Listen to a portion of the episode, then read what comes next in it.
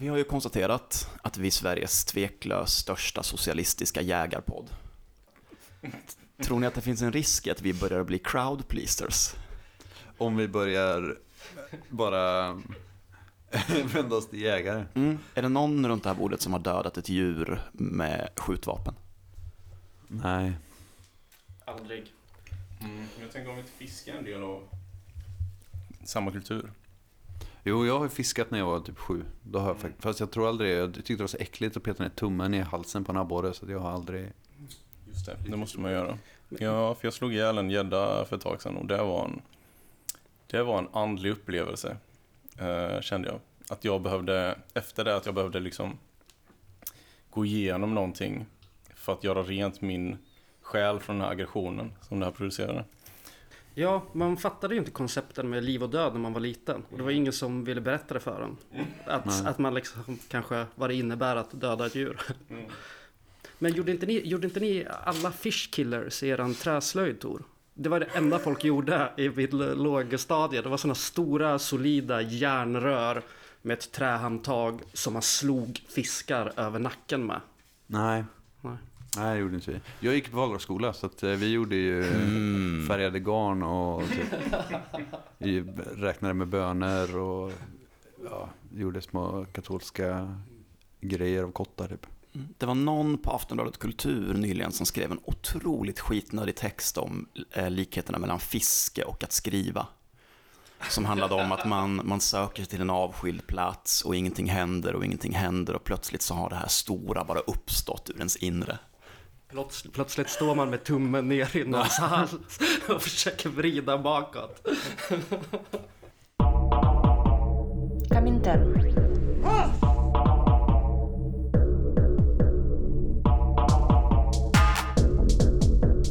Berätta inte för mig om det svenska klassamhället.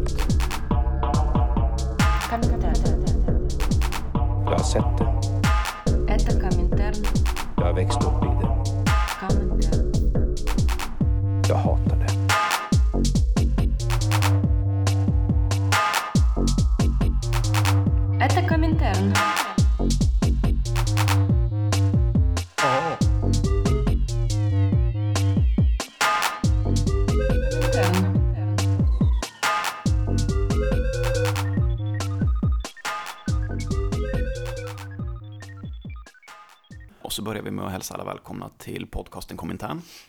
Idag med mig Andreas. Harald. Jag heter Tor. Carlos. Eh, Carlos är gäst. Och eh, ja, eller gäst eh, kanske från bloggen Det enda alternativet först och främst. Eh, där jag skriver lite texter ibland. mm. Vi tänker börja prata lite om folk mot fossilgas. Det ska vi göra. Du och jag, eh, Carlos, var ju på den här aktionen i Göteborgs hamn. Mm. Eh, ja, det var ju en spännande upplevelse. Tydligen så har andra människor haft lite andra upplevelser av det än vad, än vad jag själv har haft. Eh, eller vi diskuterade hippie-ration exempelvis eh, på aktionen. Vilket jag, som har varit på liknande aktioner utomlands, skulle säga var låg i förhållande till hur det är att åka på liknande saker i kanske Nederländerna eller Tyskland. Och jag då som inte har varit på liknande aktioner eh, och egentligen inte på några miljöaktioner överhuvudtaget på väldigt länge tyckte att det var, har jag inte sett så mycket hippies på samma plats förut på, ja, på, på, väldigt, på väldigt, väldigt länge. Jag var ju där och i egenskap av eh, sjukvårdare och hade absolut ingenting att göra. Det var en väldigt lugn eh, tillställning egentligen. Alltså att det var väldigt... Eh, det var rätt ordnat och polisen gjorde aldrig några riktiga eh, ingrepp liksom i, eh, i själva aktionen. Och den fortgick liksom under de här 12 timmarna som var planerat. Liksom. Vad gjorde polisen då? Stod de bara och, och glodde? Ja, de, det är ungefär vad de gjorde. Eh, kom fram någon gång och sa att man inte fick hänga ett, en banderoll på ett staket. Men det var som att de... Eh, det var lite ovanligt kände jag att ha en sansad relation till eh, polisen på något sätt. Men det var som att de kände av viben kanske. Tror jag. Eh, jag som följde det på distans från annat land läste rapporteringen i GP simultant med att jag satt och uppdaterade Twitter. Jag tyckte att polisens uttalande om varför de inte behövde ingripa var oerhört intressant.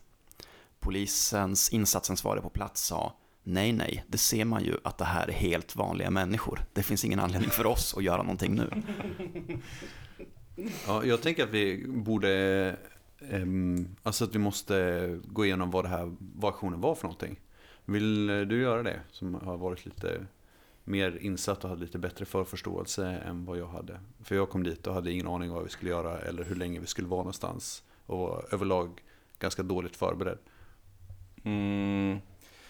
Ja, alltså det, ja, det man kan säga är att den var, aktionen i sig var ju väldigt mycket inspirerad av eh, liknande massaktioner utomlands. Ehm, man kan ju ta upp Enne Glende som det mest eh, kända exemplet liksom på liknande, liknande sätt att organisera en, eh, en blockad egentligen.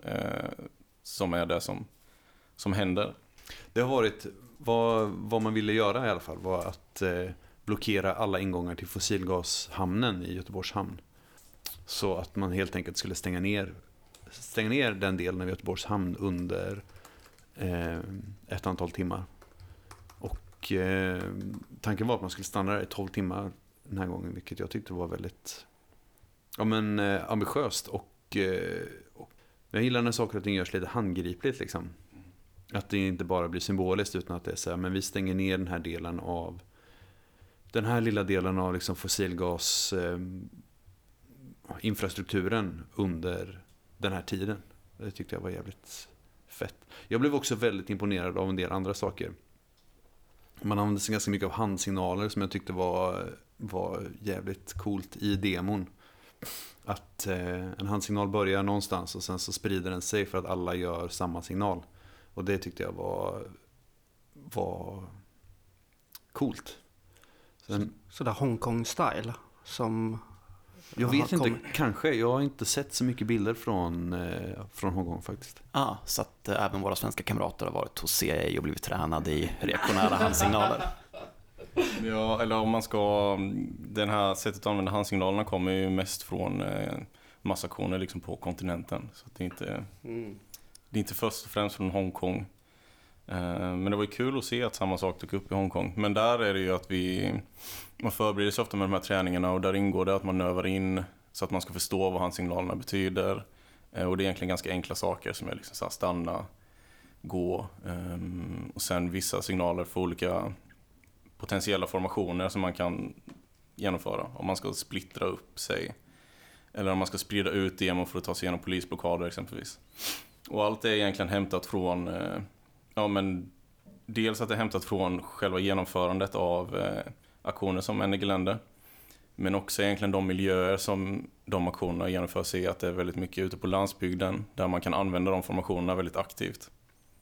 Eh, och liksom sprida ut sig över ett stort fält exempelvis, där polisen inte har medel att stoppa människor som bara går på ett enda långt led. Och det är ju ett sätt att upprätthålla den här eh, icke-våldsliga linjen liksom. Att om vi är tillräckligt många så kan vi liksom bara gå igenom eh, polislinjerna i stort sett.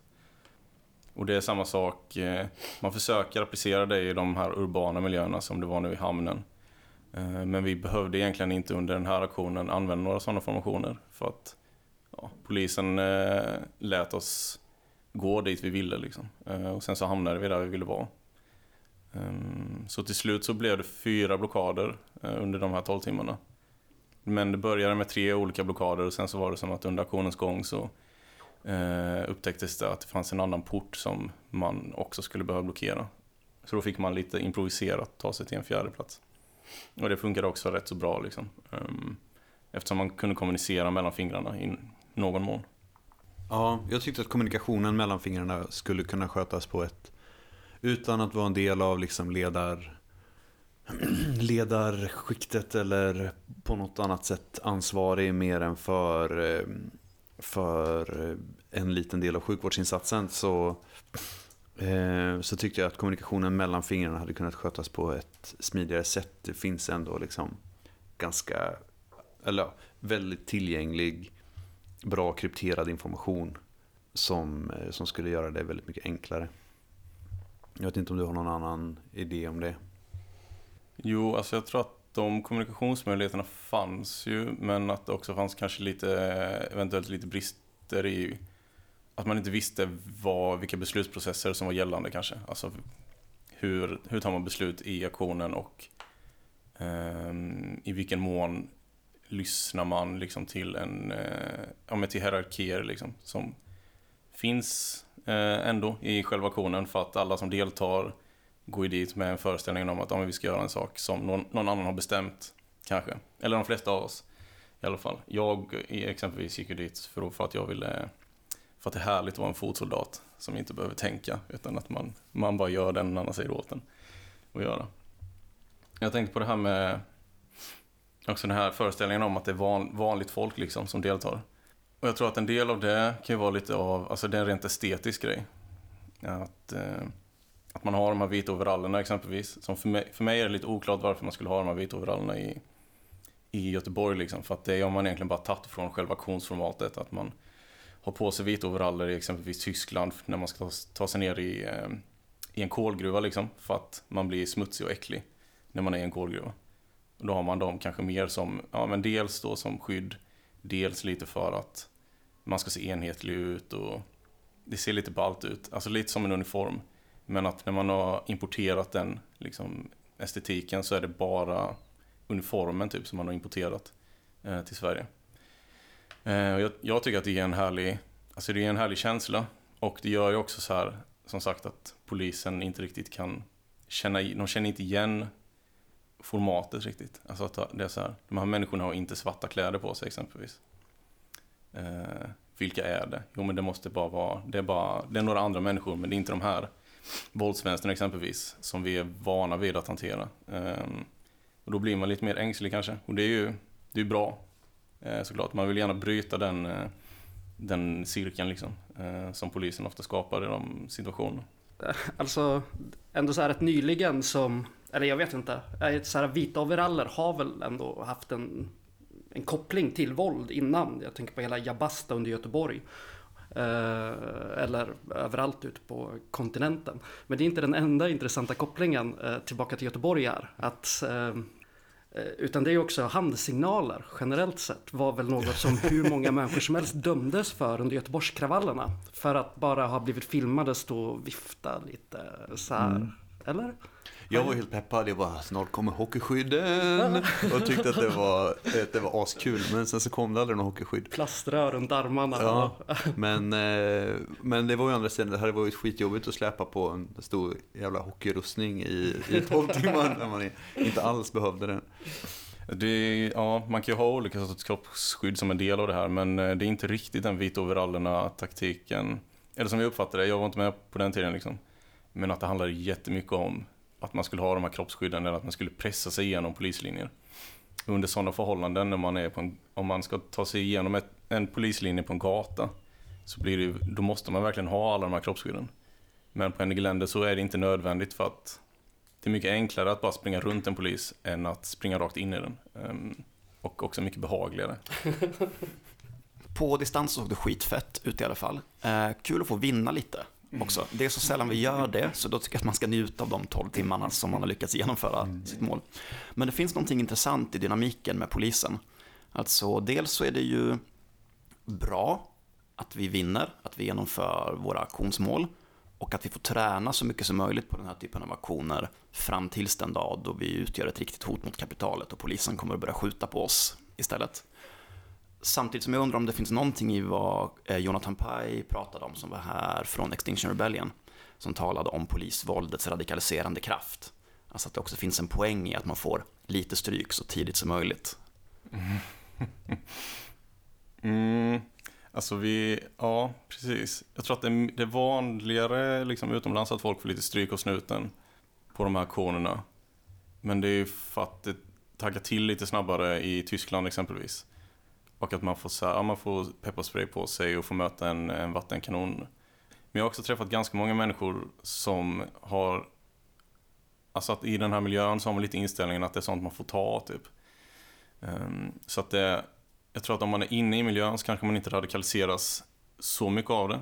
Men exempelvis om man är som de här äh, kidsen i Portland, tror jag det var, som äh, under den gångna fredagen under den här äh, Fridays for Future manifestationen fick möta på ganska hård behandling av polisen. Alltså den sortens ungdomar tror jag är mer benägna att radikaliseras av um, kast polisbemötande liksom. För att där är det ju verkligen att man har, man kommer dit med någon sorts föreställning som grusas ganska hårt tror jag. Att man så här, de kommer lyssna på oss. Och så gör de inte det.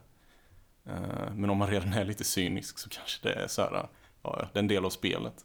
Jag, nu för tiden tänker jag så mer, att det är så här, man går dit och så tänker man att man kanske får lite stryk och sen åker man hem och så, och så tänker man att då, eh, då har det varit en god match liksom, mer. Eh, än att man har blivit helt överkörd. Liksom. Men jag gissar att du inte, att du inte tycker att så här, polisen är Eh, ett, att poliser är en samhällsfunktion som eh, sjukvårdspersonal och, och brandkår som bara är så här, där för att hjälpa människor. Att det är så officer friendly hela dagen liksom. Nej, alltså det är ju ingen som gör det i, eh, i klimatrörelsen heller. Man ser det mer som ett problem som måste lösas. Liksom. Och då, om man ser dem som det här, ett grundläggande problem, som egentligen alla de här aktionerna handlar om. Alltså hade, hade det inte funnits polis så hade man ju bara kunnat traska ner de här gruvorna eller bara gå ner till hamnen och blockera. Liksom. Men det större delen av alla taktiker och strategier som kring de här aktionerna handlar ju om att ta sig runt eller förbi eller undvika att bli övervakad exempelvis av polisen. Ja, men då har man ju ett visst mindset liksom från, eh, från början. Eh, och ser dem på något sätt som en fiende även om man inte nödvändigtvis har en, ett väldigt hårt ACAB-mindset liksom. Hur, ehm, vad, vad har du för, eh, alltså så här, vad, vad är ditt take på dagen? Ja men det var trevligt. Typ, jag hann läsa mycket för att det gör man ofta i sådana här blockader. Man sitter ner väldigt mycket. Så jag hann läsa på inför den här podden exempelvis. Um, och, men jag lämnades lite med en känsla, en förrädisk känsla av att man har gjort fel för att man inte blir hindrad av polisen. Um, att det är lite som att jag, jag gick därifrån och kände att nu gjorde jag som polisen ville att jag skulle göra. Men det tror jag att man ska ignorera. Eh, liksom, för att fokus skulle ligga på de målen man sätter upp och att kunna må- nå de målen. Och att det är en längre kamp liksom. Den här kampen om eh, fossilgasterminalen är inte över eh, heller liksom. Jag, blev, eh, jag var väldigt eh, glatt överraskad av vad man hade för mål och hur väl det genomfördes och att det gick att genomföra. Eh, sjukvårdsmässigt så hade jag ju såklart packat helt fel för att det enda jag fick behandla var ju getingstick typ. Ehm, och jag trodde ju som vanligt att det skulle bli pepparspray och, och batonger, men det blev det inte. Eh, så eh, nästa gång så ska jag packa för något annat i en sån här situation.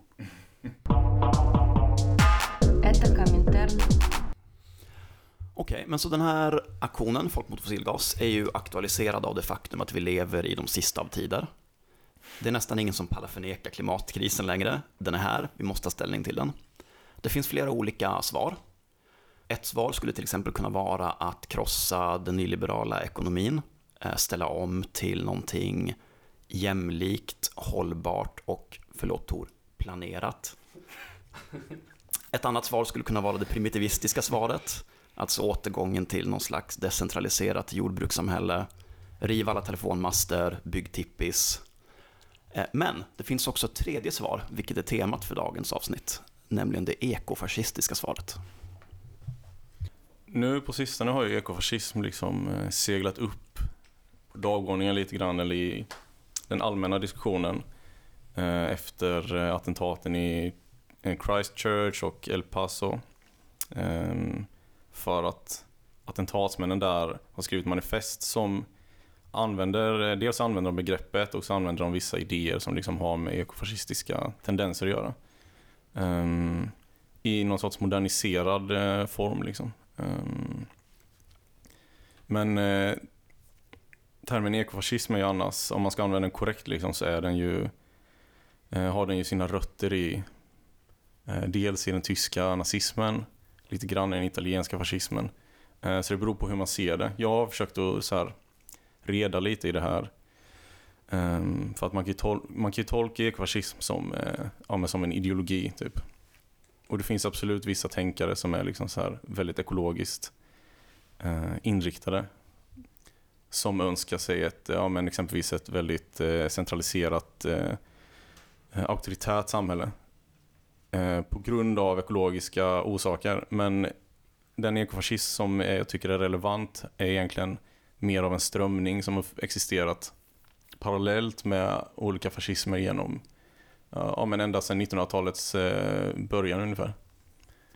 Och där går det inte att peka ut en, eh, en enhetlig ideologi exempelvis eller någon enskild tänkare. Um, säkert inte under den, exempelvis den tyska nazismen liksom, som är det tydligaste exemplet på hur, man, eh, hur fascistiska rörelser liksom influeras av ekologiska sätt att tänka. Det är liksom en rörelse som är väldigt spretig.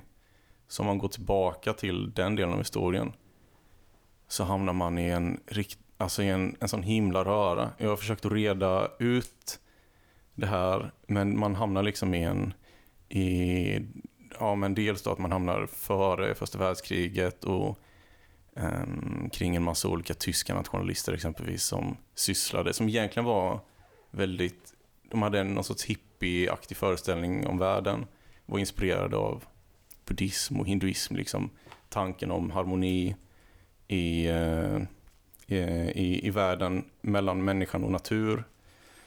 Ehm, men också syssla med liksom så här, ja, men veganism, eh, olika nyreligiösa tendenser, eh, teosofi, som egentligen är liksom en någon sorts eh, väst, eh, västerländsk variant på österländsk, eh, österländsk filosofi. Typ.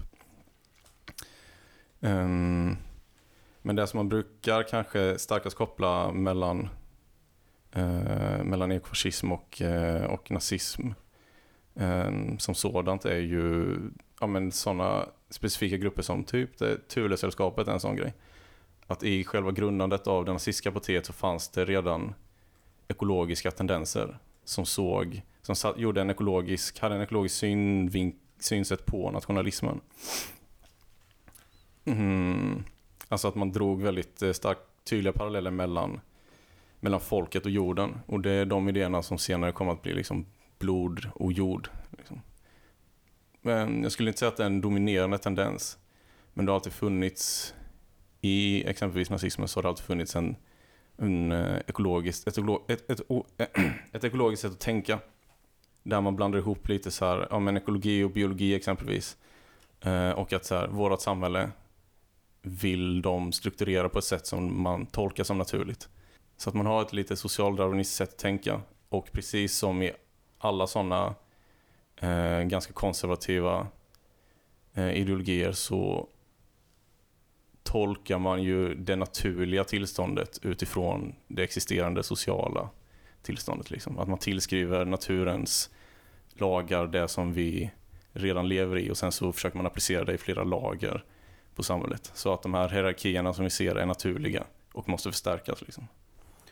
Jag, eh, som jag förstått det lite, jag läste lite snabbt av Savitri Devi, eh, också känd som eh, Maxime Portas, som var någon ekofascist.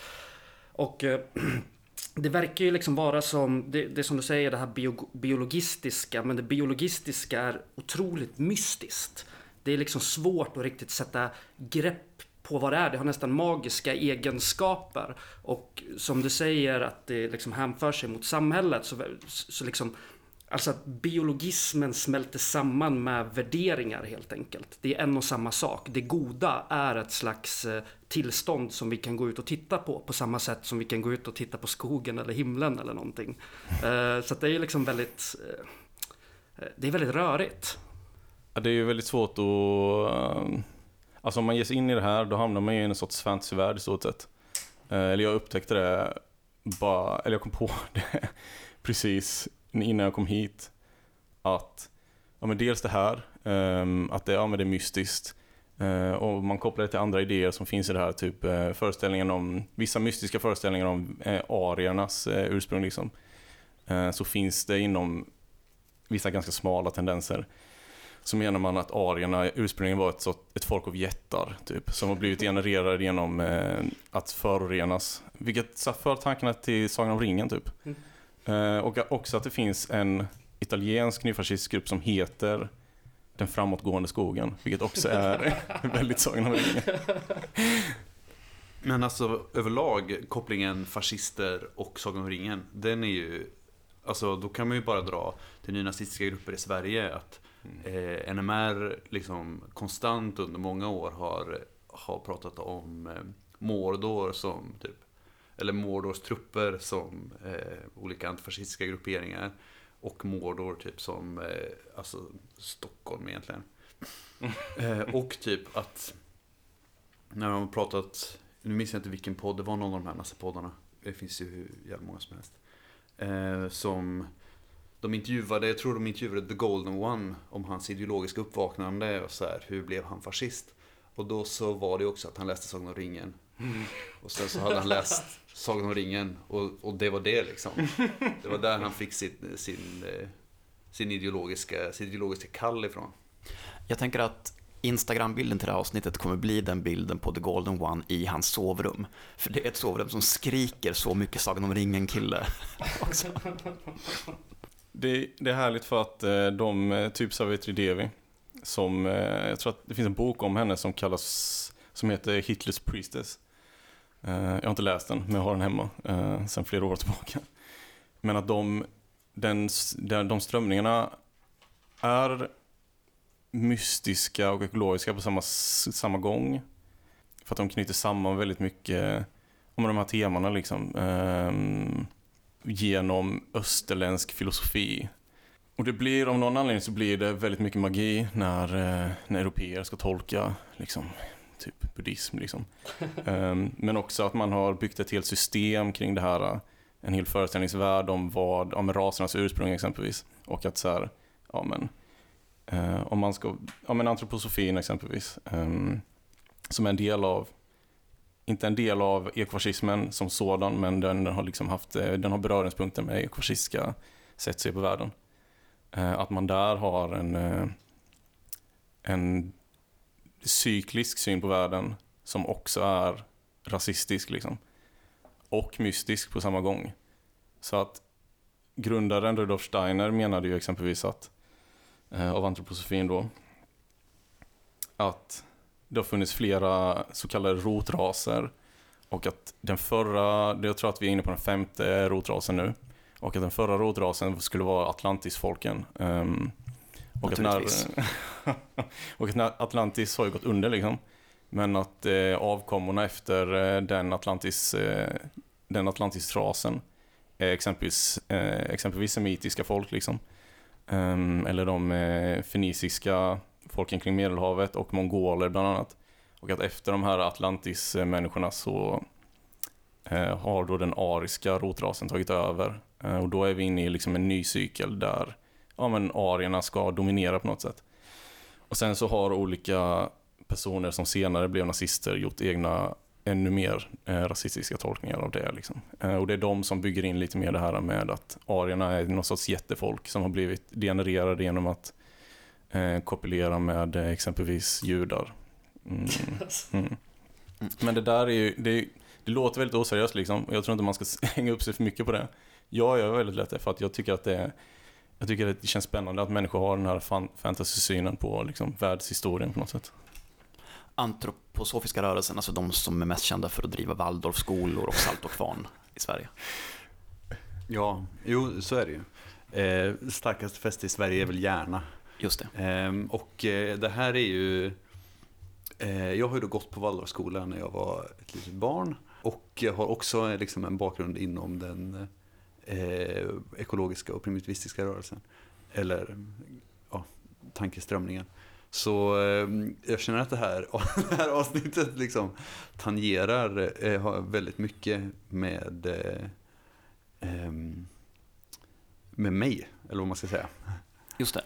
Men har du också som utopi eller slutmål att det ska finnas en liten elit som styr så totalitär diktatur och som tar ekologiskt hållbara beslut åt den dumma pöbeln? Nej. Eh, eftersom att jag inte är någon sorts ekokommunist så... Jag måste bara få, berätta att jag hade ett starkt så eh, Waldorf-kontakt av tredje graden häromsistens. Eh, jag arbetar en del i skola och så hade jag kontakt med en, eh, angående en före detta elev som har hamnat på en Waldorfskola. Jag fick ett samtal från den skolan. Eh, jag var väldigt stressad, jag hade inte tid att lyssna riktigt på vad den här Waldorffröken sa.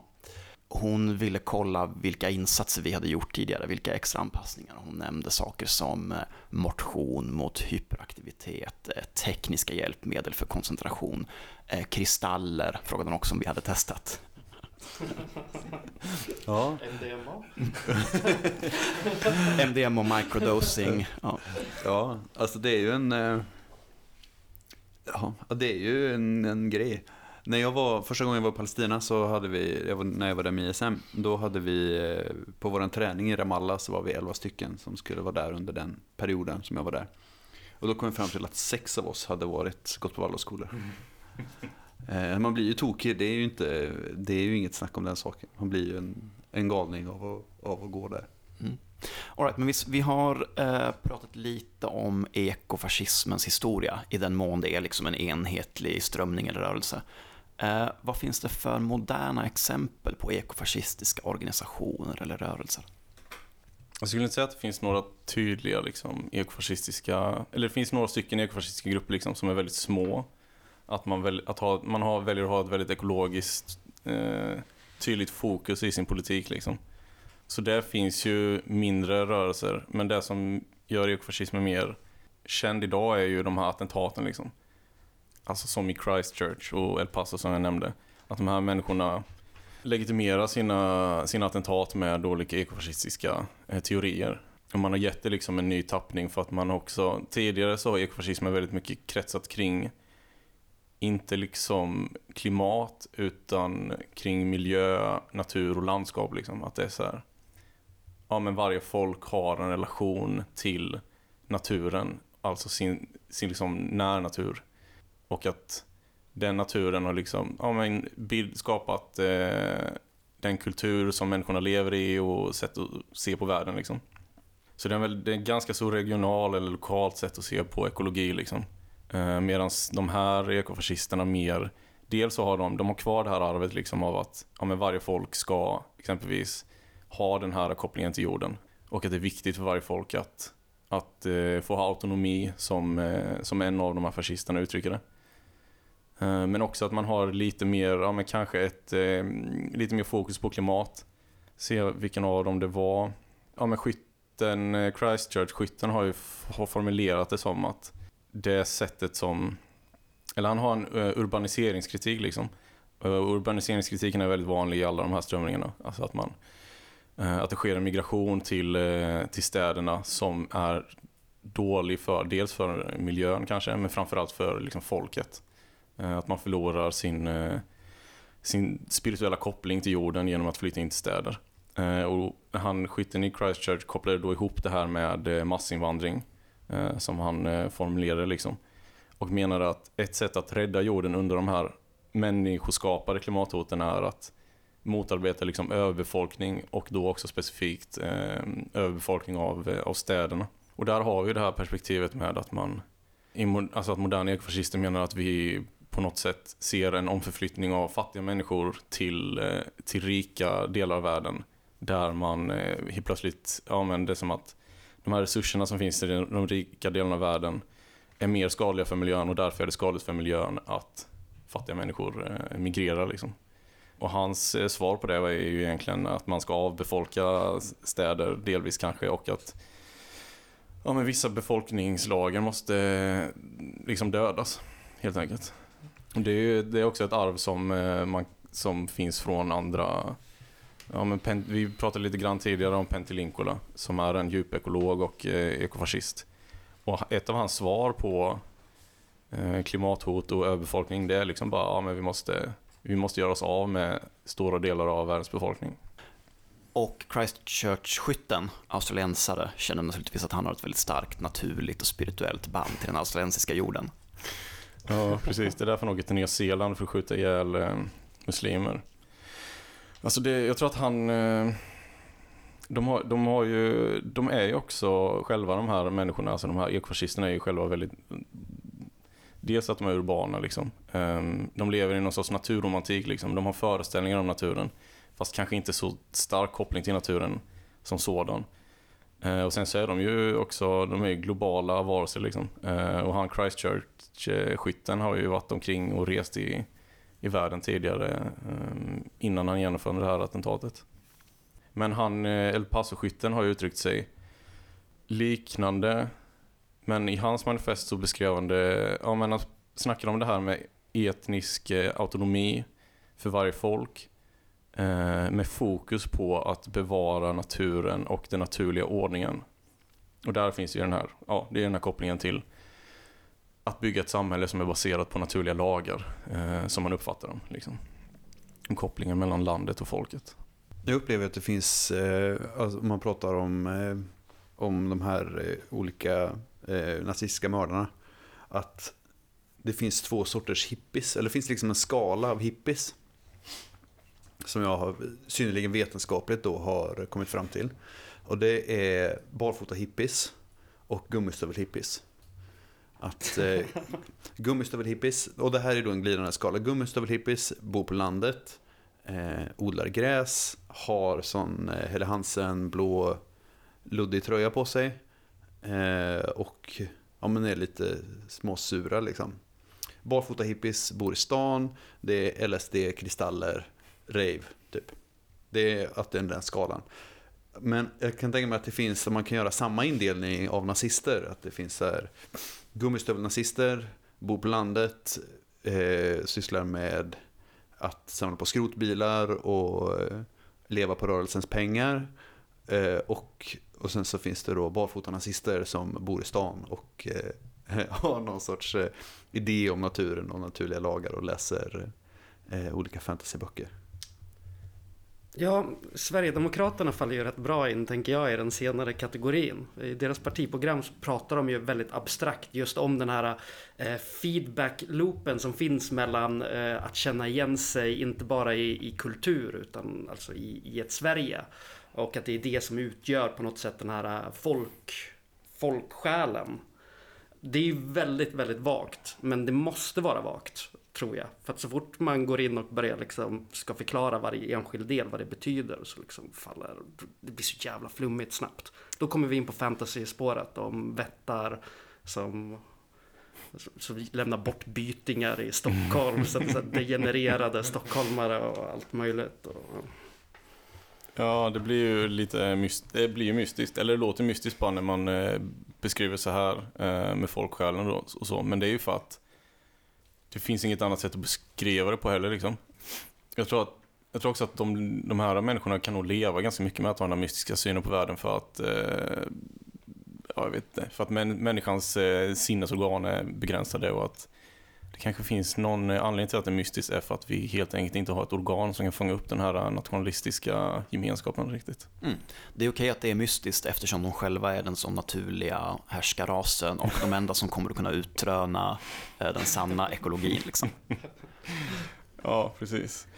Eh, Men jag tänkte på, ehm, alltså gällande grupp, olika ekofascistiska grupper, att det finns, eh, för att vi läste, vi läste inför det här eh, avsnittet lite om en italiensk grupp som inte är så moderniserad som liksom, en, ja, men de tidigare nämnda, nämnda terroristerna. Liksom. Eh, eller attentatsmännen. Eh, Som är den här eh, den framåtgående skogen eller La, La Foresta Chavanza som är den italienska ekofascistiska gruppen som är kopplad till Casa Pound. Casa Pound är ju då en eh, mer utav en eh, nyfascistisk ockupationsrörelse som fokuserar på social verksamhet liksom, eh, i Italien. Men de är liksom väl, de, de hänger kvar mycket i en italiensk fascistisk eh, ideologi och föreställning om vad Italien är.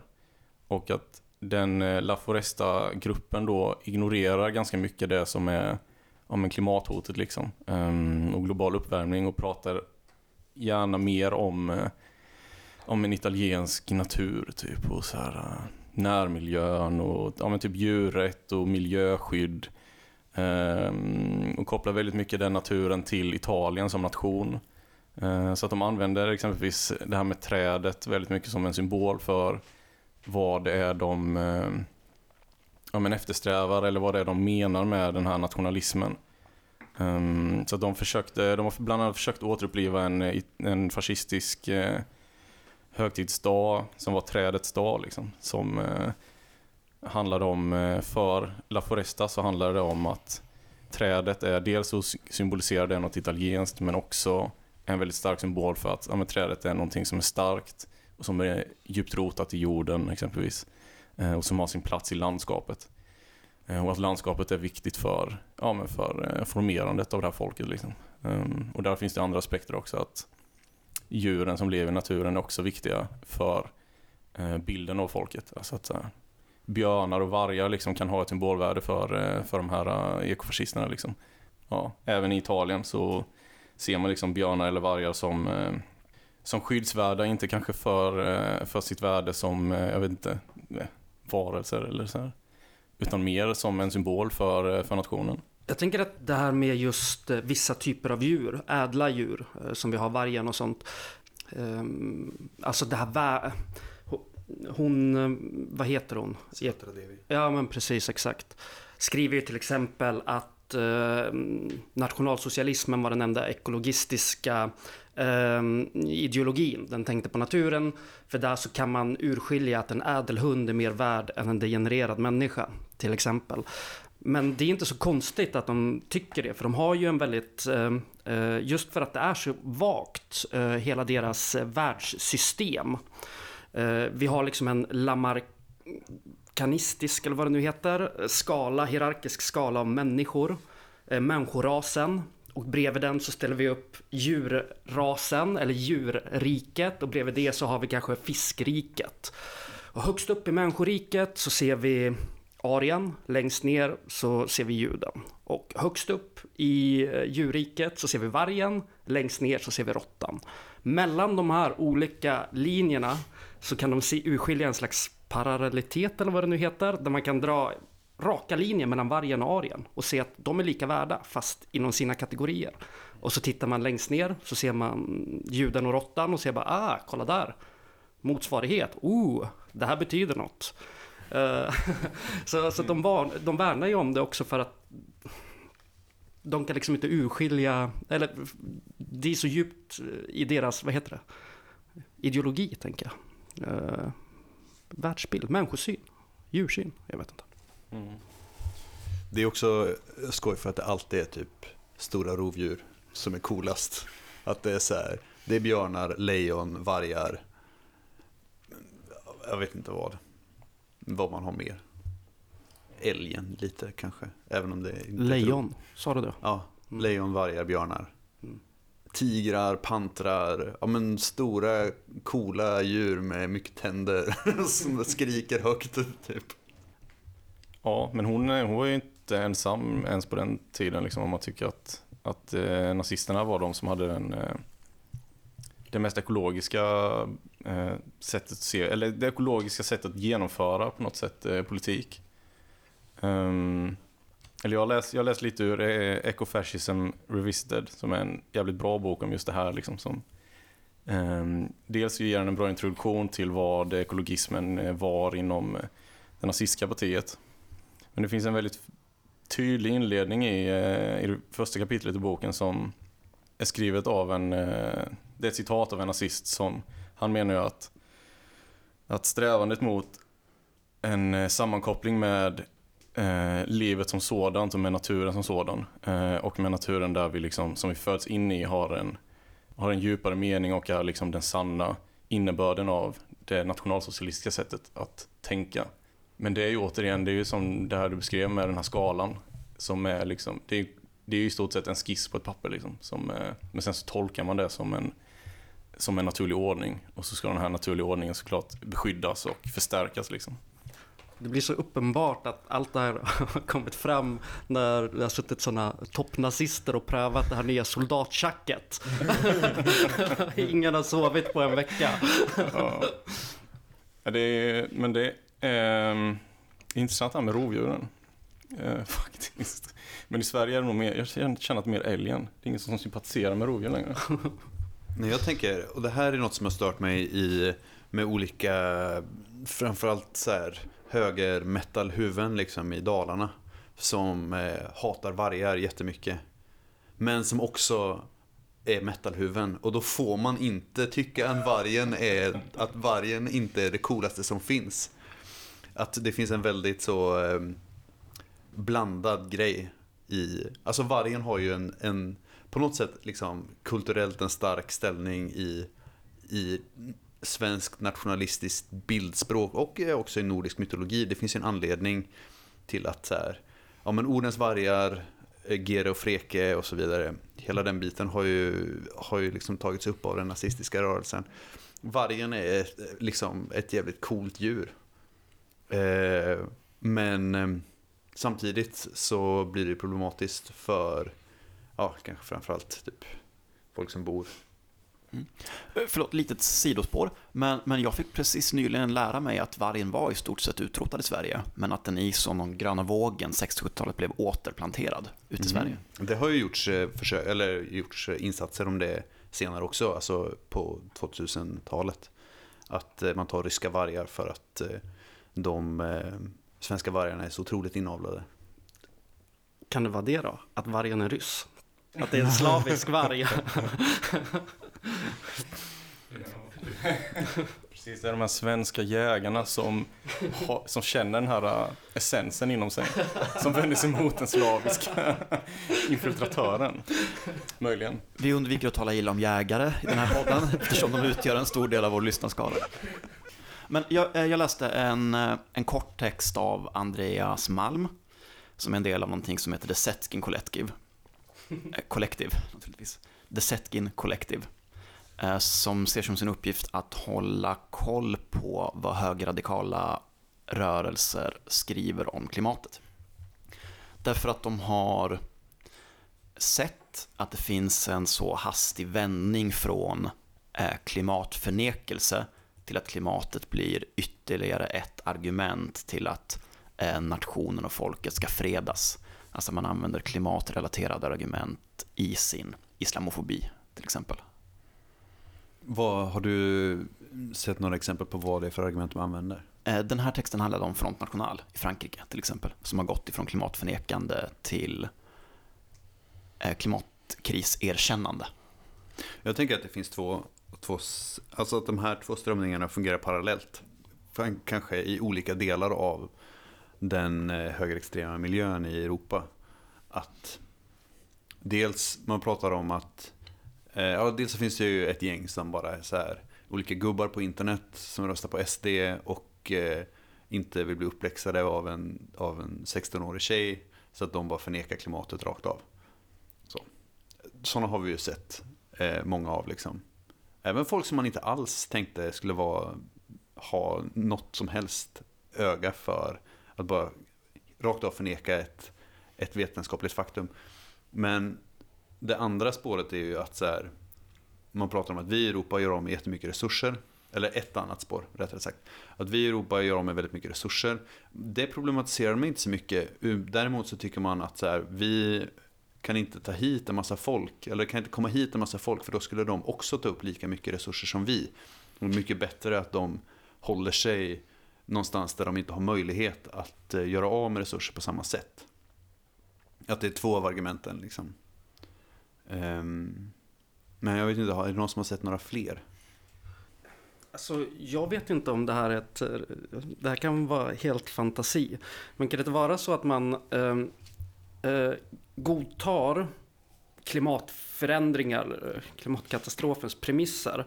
Men man ser de förändringar som, som försöker genomföras som ett sätt för globalisterna att försöka skada ekonomin och suveräniteten i landet. Så att man måste bekämpa till exempel diesel... Ah, det här är så ett jävla rycker ur röven exempel, men dieselskatter, man måste bekämpa det för att behålla eh, autonomin ifrån ju, judekonspiration, judarna. Ja, det kan säkert ligga någonting, någonting i det. Eh, alltså allt det här är dels, alltså det är så jävla mycket samtidigt liksom. Alltså extremhögern kan ju köra alla grejer samtidigt. Mm. De är ju på intet sätt liksom uniforma i vad de, eh, vilka argument de lägger fram, vad de tycker, vilka de är ens. Det är så jävla mycket åt alla håll liksom. Just nu så tror jag att det sker lite en, eh, alltså de vet nog inte riktigt vart de ska stå.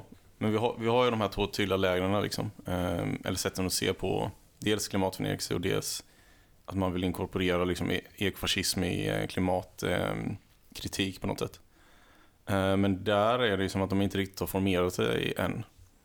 Men min känsla där är ju mer att det handlar om hur strategiskt lagd man är typ.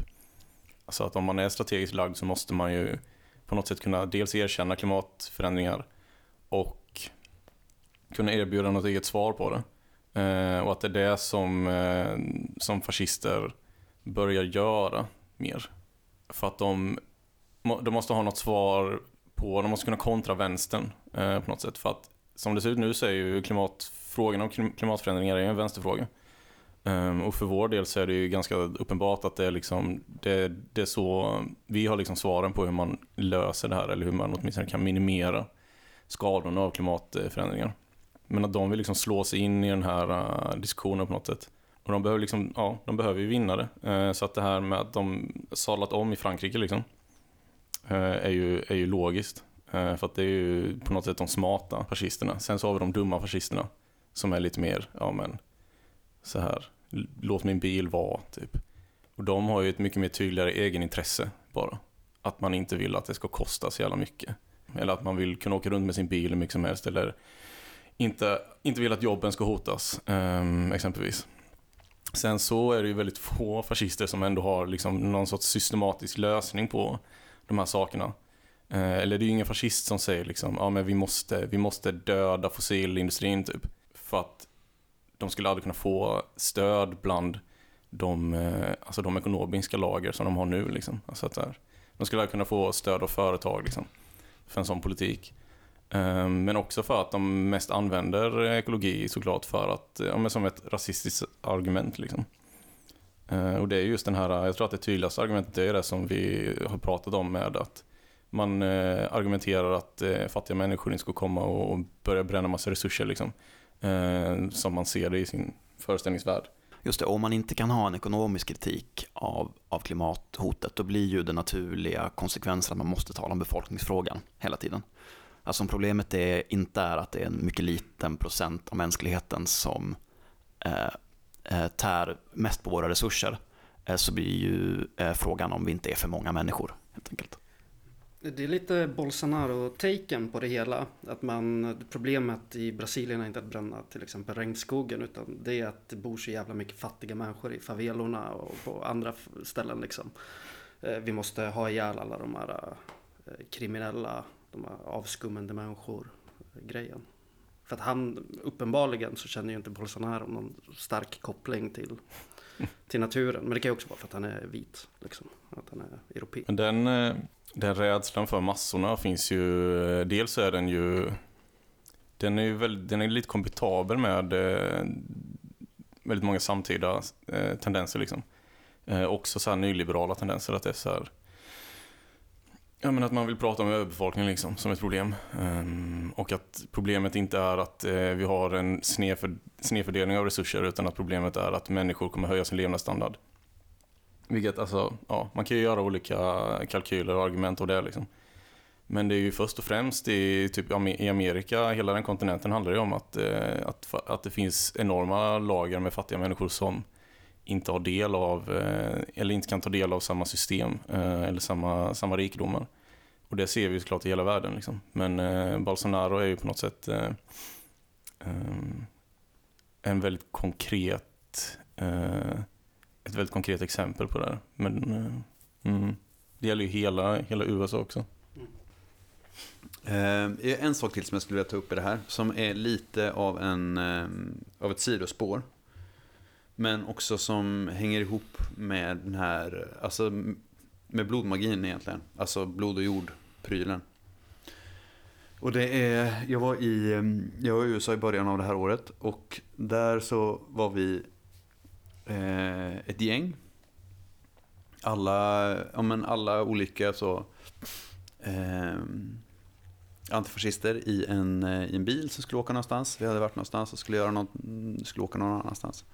Och börjar prata om... Ehm, det började med att jag och en kamrat, en europeisk kamrat från, från Skottland var liksom sura på att eh, eller tyckte det var lite så här, vad, vad, vad håller ni på med? Varför säger ni att ni är italienare eller britter eller svenskar eller vad ni nu säger att ni är om amerikanerna? Bara, ni är amerikaner.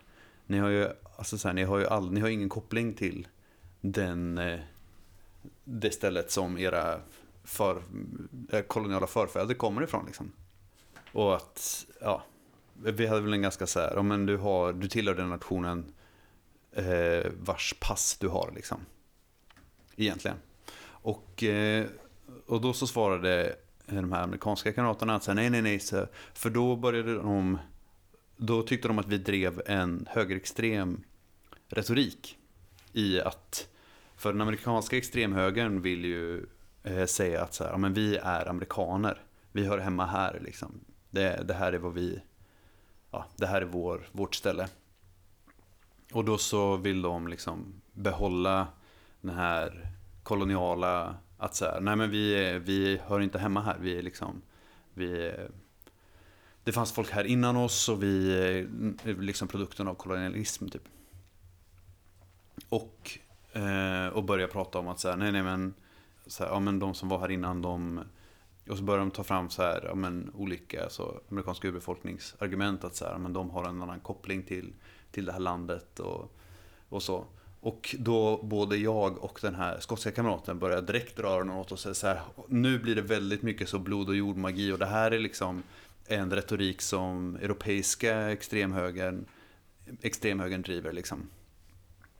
Och att det är eh, det var, jag tyckte det var väldigt, väldigt intressant och det öppnade lite upp för sig hur mycket, hur mycket sådana blod och jord argument som, som liksom finns i, i ja, men, lite i miljörörelsen och så i, i ursprungs, eller så här, i den antikoloniala, postkoloniala rörelsen. Jag vet inte riktigt vad jag vill komma med det här men jag tyckte det var väldigt, det var väldigt, väldigt intressant. Det är ju det är ju superroligt. Eller vi prat, jag pratade lite om eh, det tidigare. Eh, det är så himla förvirrande. Jag försökte verkligen förstå vad det är som händer i den här eh, typ kognitivt liksom, och vad skillnaden är typ mellan att, att säga de här sakerna beroende på om man är typ tysk eller om man är en amerikansk urinvånare liksom. Jag har ingen aning om vad skillnaden är, tyvärr. Men det är ju jag hade exakt samma upplevelse ganska, alltså på Folk mot fossilgas eh, faktiskt. För att det var en, eh, en, eh, en man från Texas eh, som var där och pratade. Han deltog i aktionen. Sen så pratade han om eh, urinvånarnas kamp mot eh, fossilgasutvinning eh, i, eh, i hans eh, region. Som jag tyvärr inte vet vad, vad han hette. Och i, den, i det snacket, eh, där han presenterade sig själv, så när han pratade om eh, om urinvånarna och om hans, eh, om hans relation till det här landet. Så beskrev han det, jag vet inte om jag ska, jag kan inte säga att det är bokstavligen, men, eh, för jag översätter det nu eh, själv. Men att han beskrev det som att vi tror inte att vi äger landet, men att vi tillhör landet och att våran identitet hör till landet. Um, och sen så pratar han om att det fanns en, en, en spirituell koppling eh, mellan eh, urinvånarna och landet och också att kampen mot fossilgas var en spirituell kamp liksom. Och att landet eh, och marken har ett spirituellt värde liksom. Och det är ju det är egentligen exakt samma sak som de här tyska nationalisterna formulerade för hundra år sedan när eh, alla blev nazister liksom. Så det är väldigt förvirrande att höra. Och det låter ju mycket finare Typ. Alltså det, är- det är en hippieaktig sak att säga om man skulle säga det. Eh, på något sätt. Och det är inte så konstigt egentligen att vi tolkar det som att det, ja, men det kan vara lite ekologiskt och fint. Men det är också för att hela den ekologiska rörelsen eh, har egentligen sina rötter i, i en miljö eh, och bland strömningar som ja, men dels utmynnar de strömningarna i nazism. Dels så har de här strömningarna gått vidare till någonting annat och idag har vi liksom en ekologisk rörelse och en miljörörelse som är eh, Eh, har rötterna i samma rörelse som resulterade i nazismen. Eh, eller som var en del av det nazistiska eh, grundandet. Men ja, den här boken, Ecofascism Revisited, är ju syftet med den boken var ju egentligen att göra upp med det här förflutna. Alltså att kunna prata om den här ekofascistiska bakgrunden och vad kopplingen mellan de här ekologiska sätten att se på samhället och världen, ja men vad det är och Ehm, på något sätt kunna formulera någonting som går bortom det här lite flummiga, mystiska. Ehm, för att det är, det är de här mystiska kopplingarna som gör att man hamnar ofta i, ehm, ja, men i biologiska termer istället för att prata om liksom sociala eh, frågor eller att vara så här, vad, vad ska vårat svar på de här ekologiska problemen vara? Och där handlar det om att vara, ja, ha ett socialt eh, perspektiv på ekologi istället. Eh, och ekonomiskt antagligen. Men att det handlar ju om, eh, det handlar om hur vi formar oss i relation till naturen och inte hur naturen liksom formar våra samhällen. Ja, eh, jag tänkte, eh, jag, jag har en fundering på det just som har med vad, alltså skillnaden mellan eh, exempelvis eh, ursprungsfolk i Nord eller Latinamerika. Att säga att det finns en stark koppling till jorden och eh, en nazist. Och det är ju liksom att det innebär helt olika saker rent socialt när, när de säger det. Det innebär, det, det existerar i ett, i ett sammanhang historiskt och materiellt sammanhang. Vi har maktdynamik bland annat. Och eh, vi har eh, den, de, de sociala relationerna inom, inom grupperna. Ifall vi kollar på Eh, i ett exempel skulle kunna vara i Bolivia där de största, eh, största grupperna, alltså Aym- Aymara och, och Quechua-folken, eh, när de formulerade en, en, en önskan om autonomi ifrån, alltså att kunna formulera sina egna livsbetingelser fri ifrån centralmakten i La Paz så skedde det också på eh, ett väldigt horisontalt sätt. Man ville, eh, man ville arbeta mot könsmaktordningen, man ville arbeta mot eh, exploatering, man ville arbeta an- antikapitalistiskt helt enkelt. Så jag tänker väl liksom att eh, man kan aldrig se på liksom bara idéerna i sig. Man måste se exakt vart de befinner sig, vilket historiskt sammanhang och hur det yttras. Liksom, också. Det blir ju också, alltså så här, det blir ju väldigt, framförallt när man pratar om autonomi, att det, det blir ju väldigt enkelt att om du ska kunna vara, om du ska kunna ha ett autonomt samhälle så måste du ha en försörjningsbas. Och om, alltså så här, om du ska ha en försörjningsbas då måste du ha tillgång till land liksom så att du kan försörja, så att, så att man inte blir beroende. Så man kan, så man kan vara frikopplad. Och det är ju, jag ska säga, det är ju samma sak. Egentligen så är det ju samma sak för amerikansk urbefolkning.